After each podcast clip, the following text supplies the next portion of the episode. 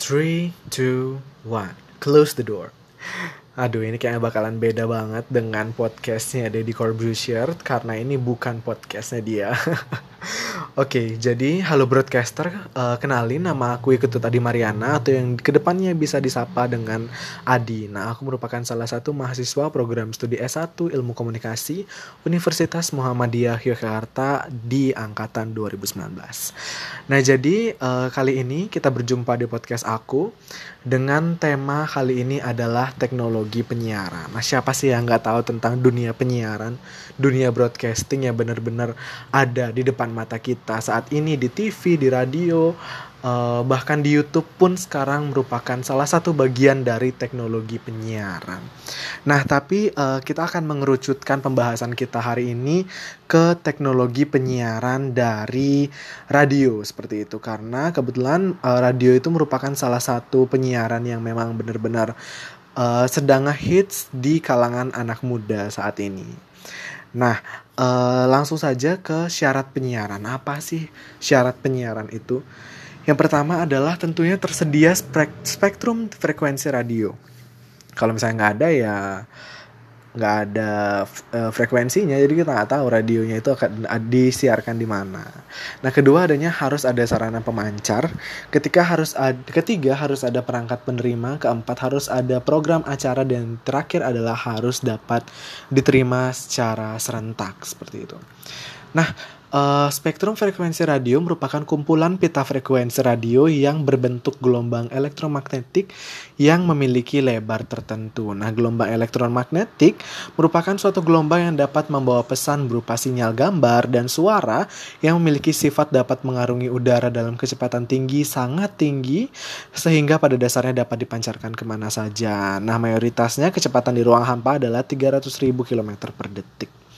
Setiap gelombang elektromagnetik ini memiliki frekuensi tertentu. Nah, secara umum frekuensi dapat diartikan sebagai jumlah pengulangan getaran dalam satu detik yang dihitung dalam satuan hertz. Nah, ini sebenarnya kembali lagi ke pelajaran apa ya? Uh, aku dulu waktu SMK karena kebetulan SMK aku uh, aku merupakan salah satu jurusan teknik transmisi telekomunikasi khususnya di bagian penerbangan. Nah, pembagian blok frekuensi ini bisa dibagi menjadi beberapa blok, tetapi yang paling sering digunakan adalah high frequency, uh, VHF atau uh, very high frequency dan ultra high frequency. Selanjutnya adalah sarana pemancar, di mana terdiri dari mikrofon, uh, rangkaian pemancar seperti yang dapat mengubah sinyal listrik menjadi gelombang elektromagnetik, antena, da antena ini yang memancarkan gelombang elektromagnetik sehingga dapat merambat ke tempat jauh. Nah, teknologi pemancar radio sendiri dibagi menjadi dua, yaitu tentang amplitudo modulasi atau AM dan FM yang seperti kita tahu memiliki kepanjangan yaitu frekuensi modulasi. Nah, Uh, jika kita membahas tadi membahas tentang uh, penyiaran radio, kita akan sedikit menggeser ke pemancar televisi. Di mana di televisi ini terdiri dari pemancar suara dan pemancar gambar. Di mana sistem pemancarannya itu ada dua, yaitu pemancaran terestrial dan pemancaran satelit.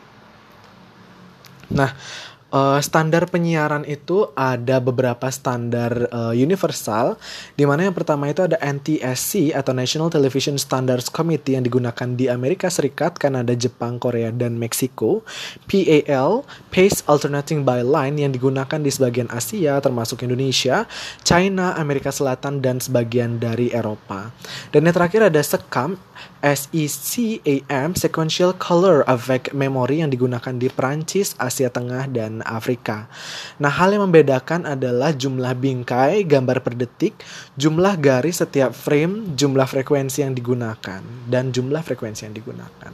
Nah, perbedaan frame per secondnya adalah PAL dan SECAM itu 25 frame per second, sedangkan NTSC itu 30 frame per second. Nah, jadi seperti yang saya sudah sebutkan tadi, NTIC, PAL, dan SEKAM itu memiliki uh, daerah penyiaran atau penggunaan masing-masing di berbagai belahan dunia seperti itu. Jadi uh, dari apa perbedaan FPS dari frame per second itu sangatlah berbeda karena bisa menentukan kualitas-kualitas gambar yang berbeda. Dari yang 25 uh, frame per second akan berbeda dengan 30 frame per second, 60 frame per second dan seterusnya. Seperti itu. Nah, perbedaan fields dari uh, standar penyiaran yang pertama itu fields horizontal lines in frame untuk NTAC itu 525, PAL 625 dan SECAM 825. Nah, jenis lembaga penyiaran itu ada tiga. Sebenarnya ada banyak, cuman ini dibagi menjadi tiga mayoritasnya yaitu yang pertama lembaga penyiaran publik, yang kedua lembaga penyiaran komunitas dan yang ketiga adalah lembaga penyiaran swasta. Nah, Mungkin itu saja pembahasan kita kali ini tentang uh, teknologi penyiaran bahwa dapat dikatakan uh, sangatlah luas jika kita membahas tentang teknologi penyiaran.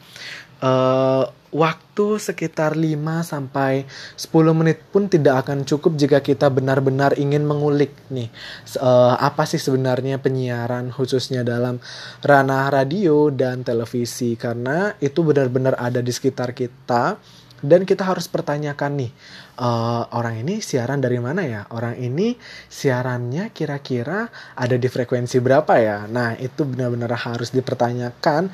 Dan teknologi teknologi teknologi itu sangat mendukung uh, bagaimana lancarnya perjalanan siaran-siaran yang ditransmisikan oleh penyiar kita. Nah, mungkin itu dia tadi pembahasan kita tentang teknologi penyiaran. Uh, terima kasih atas perhatiannya. Selamat melanjutkan aktivitasnya dan bye broadcaster.